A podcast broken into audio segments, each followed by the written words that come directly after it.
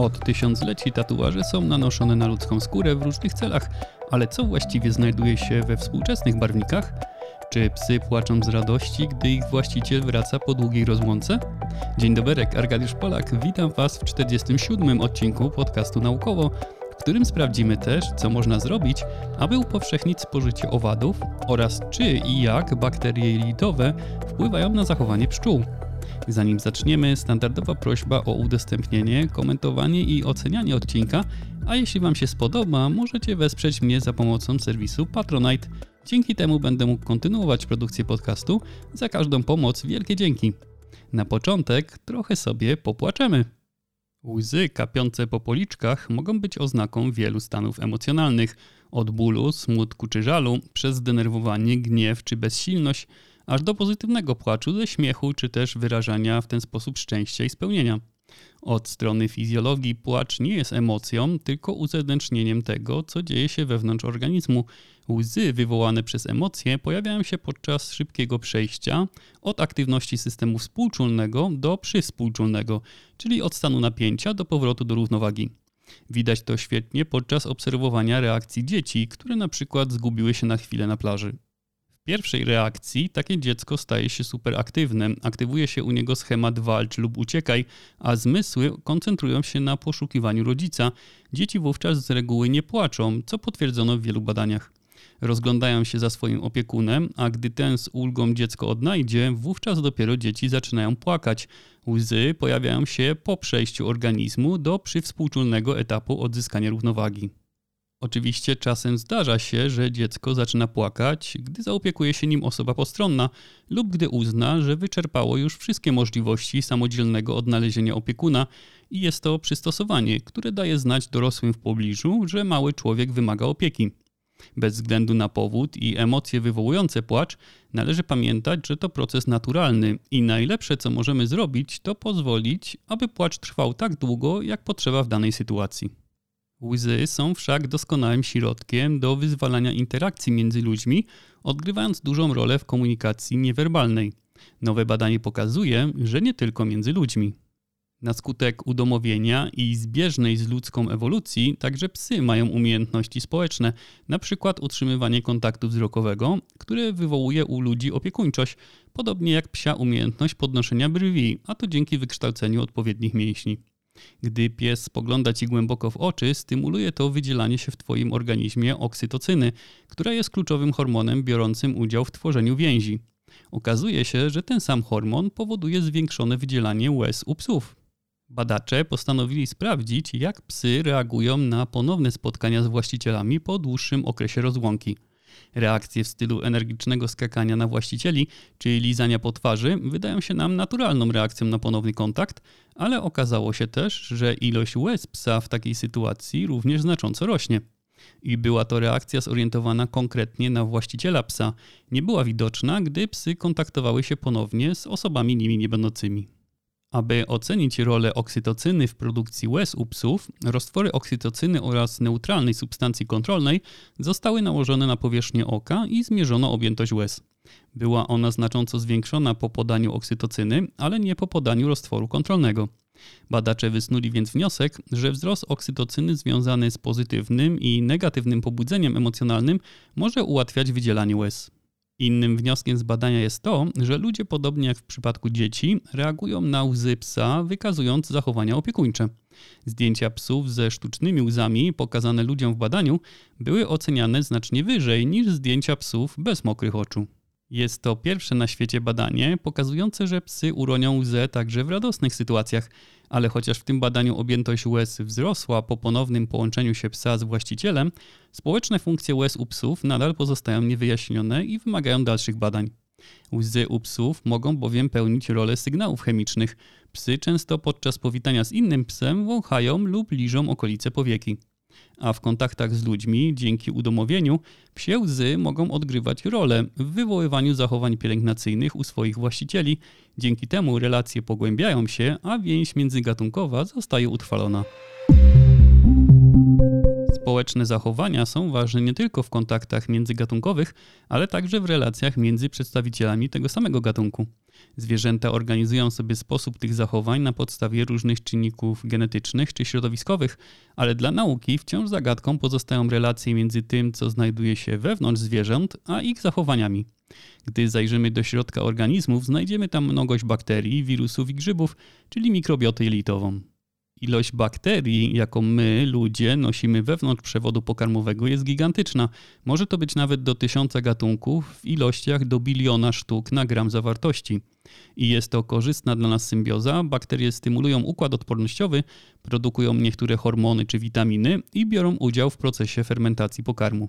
A metabolity bakterii i sygnały wytwarzane w jelitach mogą docierać aż do mózgu i wywoływać pewne reakcje organizmu, wpływając także na zachowania społeczne. Zależności między tym, co dzieje się w jelitach, a odpowiedziami w mózgu wydają się fascynujące, ale także bardzo trudne do zbadania u ludzi ze względu na dużą ilość bakterii, co skutecznie utrudnia dopasowanie przyczyny do skutku. Dlatego w nowym badaniu postanowiono przyjrzeć się tym mechanizmom u pszczół. Wybrano je z kilku powodów. Jak wiemy, pszczoły wykazują złożone i dobrze poznane zachowania społeczne, a przy tym ich mikrobiota jelitowa składa się z niewielkiej liczby gatunków bakterii, co znacznie upraszcza badania. To powoduje też, że łatwiej jest manipulować mikrobiotą pszczół i badać ją w kontrolowanych warunkach laboratoryjnych. A wcześniejsze badania wykazały, że także u pszczół zachodzą reakcje na osi jelito-mózg – Skład bakteryjny wpływa na sygnalizację hormonalną, spożycie cukru i ekspresję genów kodujących peptydy insulinopodobne w głowie. Najbardziej cennym dla tego badania był fakt, że pszczoły nabywają pakiet mikrobiologiczny dopiero w wieku dojrzałym. W przeciwieństwie do ludzkich dzieci rodzą się sterylne. Pobierając zatem z ula jednodniowe larwy i hodując je w sterylnych warunkach, badacze wyprodukowali pszczoły bez mikrobioty jelitowej. Następnie w połowie z nich zespół zaszczepił bakterie z banku mikroorganizmów, a reszta wyrosła sterylnie bez nich. Podczas dziesięciodniowego badania zaobserwowano, że pszczoły pozbawione bakterii jelitowych nie były tak bardzo towarzyskie jak ich pełne mikrobów rodzeństwo. Znacznie rzadziej stykały się głowami z innymi pszczołami, co w życiu pszczół jest niezmiernie ważne, ponieważ oznacza wymianę pożywienia lub informacji. Sterylne pszczoły wchodziły też w bardziej przypadkowe interakcje z resztą grupy. Podczas badania przeprowadzono też szczegółowe sekcje, które wykazały, że u pszczół pozbawionych mikrobioty jelitowej aż 1 trzecia z 60 substancji chemicznych w mózgu występowała w znacznie mniejszych ilościach. Cztery aminokwasy występujące obficie u pszczół standardowych spełniały bardzo ważną rolę w dostawach paliwa do mózgu. W samej tkance mózgowej geny zaangażowane w pamięć, wzrok, zapach i smak zostały zmienione. Wygląda na to, że mikrobiom wmieszał się w maszynerię, która tłumaczyła te geny na substancje chemiczne. A ponieważ zmiany w tempie i wzorcu interakcji społecznych prawdopodobnie wpływają na przepływ informacji i składników odżywczych w koloniach pszczół miodnych, wyniki badania podkreślają znaczenie mikrobiomu jelitowego dla złożonego życia społecznego w ulach. Dlaczego jest to istotne? Wcześniejsze badania wykazały, że stosowane w rolnictwie herbicydy zaburzają mikrobiom pszczół miodnych, nie powodując jednocześnie, że pszczoły te giną. I jak pokazuje to nowe badanie, mikrobiom jest kolejną bardzo istotną cechą biologii pszczół miodnych, którą nieświadomie zaburzamy u tych jakże potrzebnych nam zapylaczy. Niedawny raport ONZ pokazujący, jak zmieniać się będzie populacja ludzi na Ziemi, o którym opowiadam w 36 odcinku, jasno wskazuje na jej przyszły wzrost. A to z kolei powoduje logiczne konsekwencje. Większa ilość ludzi to potrzeba zapewnienia im większej ilości pożywienia, a to z kolei więcej wody, powierzchni uprawnych i paszy potrzebnych do hodowli zwierząt, będących źródłem białka. Rosnąca ilość krów to rosnąca ilość metanu, które wydzielają, a to z kolei problem dokładany do puli kryzysu klimatycznego. Poszukiwanie alternatywnych źródeł białka kieruje nas do owadów, których białko jest podobne do tego z mięsa, a ponadto cechuje je duża ilość kwasów tłuszczowych, błonnika, minerałów i witamin. Do tego produkcja owadów zajmuje niewiele miejsca, mniej obciąża środowisko, a same owady są mniej podatne na przenoszenie patogenów, które mogłyby zagrozić człowiekowi. Po uprzednich badaniach sprawdzających, czy owad nadaje się do spożycia i czy wywołuje jakieś reakcje alergiczne, kilka gatunków już teraz jest dopuszczonych jako żywność na rynek spożywczy. Komisja Europejska postąpiła tak w przypadku mącznika, szarańczy czy świerszcza domowego. Nie ma zatem z owadami problemu biologicznego lub prawnego, jest za to inny, a mianowicie są one owadami. Bariera psychologiczna przed spożywaniem owadów nie jest trudna do wytłumaczenia. Obrzydzenie i strach wynikają z naszych norm kulturowych i społecznych, wszak chcemy unikać spożywania produktów kojarzących się z brudem i chorobami, a ponieważ nie jesteśmy przyzwyczajeni do tego rodzaju owadziego pokarmu, to uczucia te są potęgowane poprzez strach przed nieznanym. W 2020 roku przeprowadzono eksperyment, w którym podano badanym ciastka z owadami, ale część z uczestników wiedziała, co jest w składzie lub widziała owady w ciastkach, a część nie. Wyniki są zgodne z intuicją. Ciastka z oznakowaniem owadów były spożywane w mniejszych ilościach i z większą niechęcią, nawet wówczas, gdy wcale owadów nie zawierały. Wystarczy bowiem świadomość istnienia owadziej wkładki, nazewnictwo lub wygląd wskazujący na skład, aby ludzie odczuwali wstręt do pokarmu z owadami. Ale gdy uczestnicy spróbowali już ciastek z owadami i nie wyczuli spodziewanego owadziego smaku, cokolwiek miałoby to oznaczać, to oceniali te wyroby jak każde inne zwykłe ciastko. Może to sugerować, że brak nieznanego smaku zmniejsza efekt nowości, a tym samym redukuje wstręt. A skoro tak, to dobrą strategią wydaje się być dodawanie owadów do dobrze znanych produktów lub ukrywanie owadów w formie przypraw w produktach łatwych do gotowania i wygodnych w użyciu. I tym zajęli się naukowcy w nowym badaniu, którego wyniki przedstawiono na spotkaniu Amerykańskiego Towarzystwa Chemicznego, przypatrując się mącznikowi. Przez wszystkie etapy jego życia wydzielane są lotne węglowodory, które odparowują i wydzielają zapachy. Na przykład surowe larwy miały zapachy przypominające mokrą ziemię, krewetki i słodką kukurydzę. Następnie badacze postanowili poddać mączniki obróbce, aby sprawdzić, jak zmieniają się smaki i aromaty. Mączniki gotowane na parze rozwinęły jeszcze silniejsze aromaty słodkiej kukurydzy, podczas gdy wersje pieczone i smażone w głębokim oleju miały posmak tłusty i krewetkowy. Podczas samego procesu pieczenia i smażenia związki, które się wydzielały, przypominały te, które tworzą się podczas obróbki mięsa i owoców morza. Zespół odkrył, że mieszanie mączników z cukrem wytwarza dodatkowe smaki, w tym bardzo podobny do mięsa. A skoro tak, to przyszłe badania powinny skupiać się na tym, aby za pomocą obróbki owadów usuwać z nich niepożądane smaki i dodawać te, które konsumenci preferują tłuste, słodkie i słone. Atrakcyjny smak owadów plus odpowiedni estetyczny wygląd produktu oraz prawidłowe, niezniechęcające do zakupu oznaczenie i świadomość, że żywność jest bezpieczna, będzie miało decydujący wpływ na przyszły sukces marketingowy owadów. Zostaniemy jeszcze na konferencji amerykańskich chemików, ale tym razem przyjrzymy się innym substancjom służącym do ozdabiania ludzkiej skóry. Popularność tatuaży nieustannie rośnie. Szacunki pochodzące z USA wskazują, że 30% Amerykanów posiada co najmniej jeden tatuaż. Cele są różne, od religijnych, ochronnych lub będących źródłem siły, poprzez wskazanie przynależności do grupy czy symbol statusu, aż po artystyczną ekspresję. A pierwszy tatuaż wykonano naprawdę dawno temu. Jest jesień 1991 roku. Dwóch turystów, którzy w pobliżu granicy włosko-austriackiej uskuteczniali wędrówki po Alpach, natknęło się na makabryczne znalezisko zwłoki zamrożone w lodzie. Był to mężczyzna w wieku od 30 do 45 lat, o wzroście 160 cm i jak się później okazało, nie pochodził z naszych czasów. Otzi, nazwany tak od doliny, w której został znaleziony, przeleżał w lodzie aż 5300 lat. Już samo to było sporą sensacją, ale skrywał on jeszcze jedną tajemnicę. Otzi ma bowiem ponad 50 linii i krzyży wytatuowanych na swoim ciele, większość z nich na kręgosłupie, stawach kolanowych i skokowych. Wykonane później zdjęcia rentgenowskie wykazały, że Otzi ma zapalenie stawu biodrowego, kolan, kostek i kręgosłupa, a tatuaż pokrywał się z miejscami tych schorzeń. Możliwe jest zatem, że tatuaże odgrywały rolę terapeutyczną co jest sporą zagadką, ponieważ pierwsze ogólnie przyjęte dowody akupunktury datowane są na 2000 lat później i odnotowane daleko na wschód, w Chinach. Jest to zatem najstarszy znany tatuaż na świecie, później praktykowany przez różne kultury w różnych zakątkach Ziemi. Mumie egipskie to nie jedyny dowód powszechnego stosowania tatuaży.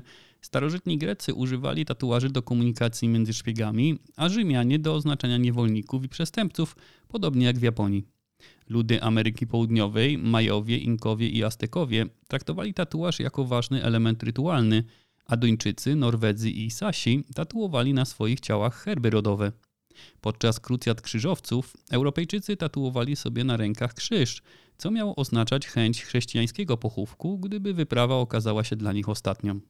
Także sposoby wykonywania tatuaży były różnorodne. Czasem tuż wklepywano w skórę za pomocą ostrych pałeczek lub kości, a czasem wycinano wzory na skórze, aby następnie wcierać w nią popiół. Niektóre ludy zamieszkujące Arktykę używały igły do przeciągania pod skórą nici z węglem, aby tworzyć linearne wzory. Nowoczesny sposób tatuowania rozpoczął patent maszynki nowojorskiego tatuażysty Samuela O'Reilly'ego z 1891 roku, której igły wnikają płytko pod skórę, aby umieścić tam barwnik.